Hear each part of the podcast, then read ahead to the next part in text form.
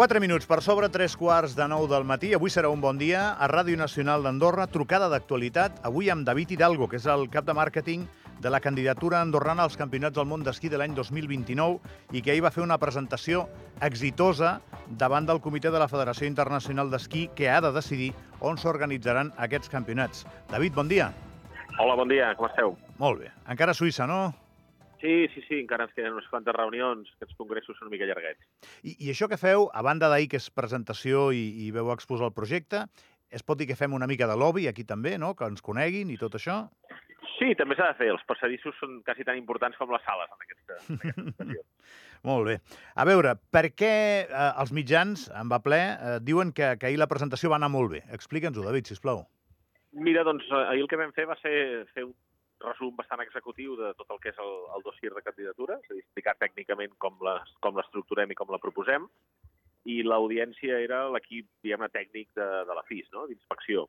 Llavors, jo crec que l'aspecte tècnic el tenim eh, molt ben cobert, sempre ens han doncs, eh, donat un retorn molt positiu de, de com ho plantegem, de quina organització, dels equips com els dimensionem, del país, de les infraestructures. Uh, jo sempre dic, l'únic però és que els que els hi vam presentar i no voten. Si votessin crec que ho tindríem fet. Ara ens queda la segona part, que és la, la més complicada des d'ara fins al juny, no? I construir doncs, les, eh, les complicitats que, que necessites i, i convèncer els que, els que premen el botó, que al final són els que decideixen. No tinc molta estona, David, però crec que sí que tinc suficient com perquè, si- com perquè això sigui un pèl divulgatiu, també pedagògic. Eh? Primer, digue'm, eh, qui vota això? Qui, qui ens escollirà sí o no seu dels Això- campionats del món? Doncs ho voten els membres del Consell de, de la FIS. Són 21 membres. 19 representants de països i dos representants d'atletes. I és just aquest Consell? És dir, igual que, per exemple, en d'altres entitats internacionals, a la llarga s'ha acabat criticant la confecció d'aquests òrgans de poder, aquí podem confiar que, que prendran una decisió justa? Bueno, justa, justa, eh, jo crec que no està en una qüestió de justícia, perquè tots els tres candidats són molt potents, per tant, es decideixen les coses per uns marges molt, molt estrets, no? Ara, jo crec que aquesta vegada estem en una ocasió que, que ha de ser per Andorra, ser per Andorra perquè s'està presentant doncs, una candidatura innovadora, diferent, moderna, i, i si la FIS vol donar aquest missatge de ser un organisme mundial, doncs ha, ha venir Andorra. Vinga, doncs això ens encanta escoltar-ho, David. I la següent pregunta, eh, tu saps que no tothom està molt posat en, en el que és l'esquí, eh, sap que esteu demanant un gran event, però al mateix temps pensen, bueno, ja hem fet cop- Copes del Món, finals de Copa del Món, les hem fet masculines, femenines, de disciplines diferents, què estem demanant ara que és diferent? Expliquem, siguem divulgatius, què, què és diferent en uns campionats del món? Doncs mira, la diferència principal és, eh, primer, l'abast. La Copa del Món i les finals de Copa del Món doncs, és un circuit regular, que cada setmana hi ha, hi ha una cursa, i participen de facto una vintena, 25 països com a màxim, no? els més forts. En canvi, en uns campionats del món hi participen tots els països, diguem-ne, que d'una manera o altra doncs, tenen esquiadors. Per tant, doncs, acabes tenint un impacte, jo diria, quasi de 10 vegades més gran que unes finals d'una Copa del Món. Tant en magnitud de l'esdeveniment, com en número de participants, amb impacte mediàtic, realment estàs parlant d'uns veritables campionats del món. A vegades el nom confon, no? Copa del Món i Campionats del Món. Copa del Món seria l'equivalent doncs, dels, dels Grand Prix de Fórmula 1, eh? que cada setmana n'hi ha un, i en canvi doncs, uns campionats del món doncs, fan els campionats d'atletisme, els campionats de la FIFA, cada dos anys, en una seu, totes les disciplines i els millors de, de tots els països. Però tens raó que cada, cada esport està organitzat de manera diferent. Aquí incorporen del món en, tot, en tots dos eh, events i pot, pot portar a confusió.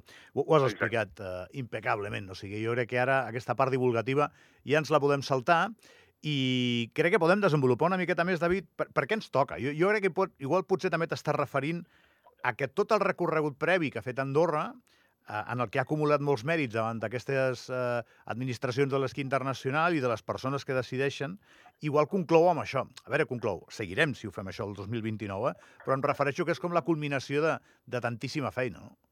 Sí, jo crec que una de les coses que hem argumentat sempre és que tots els compromisos que ens han demanat els hem complert i els hem complert amb, amb escreix, no?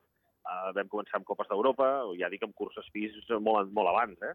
Uh, finals de Copa Europa, Copes del Món, finals de Copa del Món, i el resultat sempre ha estat doncs, excel·lent, no? gràcies a l'explicació doncs, de, de voluntaris, d'institucions, d'organitzacions, de tots els professionals, del públic.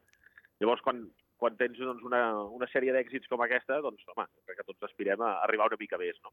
I per Andorra seria una oportunitat de, jo crec, de posar-se encara més en, en el mapa del món i de posar els Pirineus, que també crec que és una candidatura que no només és d'Andorra, sinó que, que posaria els Pirineus a, en el mapa mundial de l'esquí de, de màxim nivell. Competim amb el Gardena, Itàlia, i Narvik, Noruega.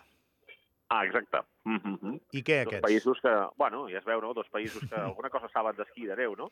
Bueno, han fet, cadascú- han fet fins i tot Jocs Olímpics, aquests països, en d'altres seus, però els han fet, no? Sí, Per sí, tant, són sí. candidatures potentíssimes. Però, Sí. què podem dir? Mira, jo diria que la candidatura de Valgardena és una candidatura potentíssima. A mi és, personalment, a més, una estació que m'encanta. A la zona de les Dolomites és fabulosa. Potser, si hagués de fer una crítica, és que representa una mica el, el més, més del mateix, no? És eh, poca capacitat d'innovació, és centre Europa, i clar, al final, jo crec que els campionats del món han de ser això, del món, no? I per tant, doncs, han d'anar algun dia han d'anar al Japó, un altre dia han d'anar a Sud-amèrica, un altre dia a Nord-amèrica, i un altre dia, doncs, toca al Pirineu. Han de sortir de centre Europa, no? Mai s'han fet uns campionats del món al Pirineu. Mai, no, no. Fora, diguem-ne, en proper es va fer el de Sierra Nevada, l'any 96, però al Pirineu no, no s'han fet mai. Per tant, doncs, si mires el, els organitzadors històrics, eh, el 90% s'han fet sempre a, a l'arc alpí. Per tant, doncs, si volem que sigui un, un esport realment global, doncs eh, s'ha de globalitzar i quina millor manera doncs, que anar a altres massissos, no? Igual que Noruega, que bueno, quan eren Jocs Olímpics que coincidien amb Mundials sí que s'han fet, però no s'han fet mai uns Mundials sí que és veritat que Narvik és un repte, és un repte meteorològic, és un repte logístic, està més amunt del cercle polar. bueno, jo crec que és una candidatura d'un lloc fantàstic, fabulós, però quan ho baixes, diguem-ne, a, a la part operativa, pot ser molt complex organitzar uns campionats del món tan amunt. Llavors, És crec que que aquest és el seu hàndicap. a, a dia d'avui, a aquesta hora, tu creus que ens ho juguem amb els italians?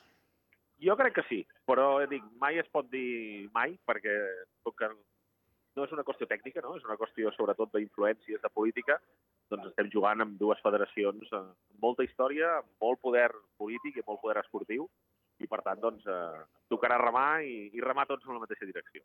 Una última, David. Um, cal fer alguna obra especial?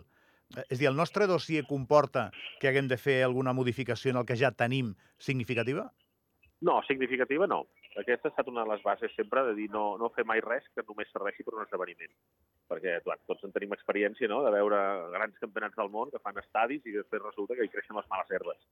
Avui en dia jo crec que això no es pot ni plantejar i, per tant, hi ha alguna proposta de millorar una zona d'arribada, millorar alguna pista d'entrenament, però és un llegat que queda que l'estació necessita i que tard o d'hora es faria, es fessin o no es fessin els mundials. L'únic que els mundials a vegades donen aquella empanteta que quan dubtes dius, va, fem-ho que tenim això, no?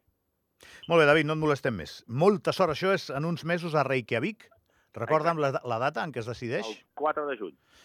Bueno, doncs estarem, estarem eh, pendents i, i posant espelmes el que hi cregui i el que no, doncs, eh, pensant en coses positives per I veure tant, si ens donen aquests campionats. Molt bé. Gràcies, David Hidalgo, bon dia, que vagi molt bé. Bon dia, gràcies a vosaltres.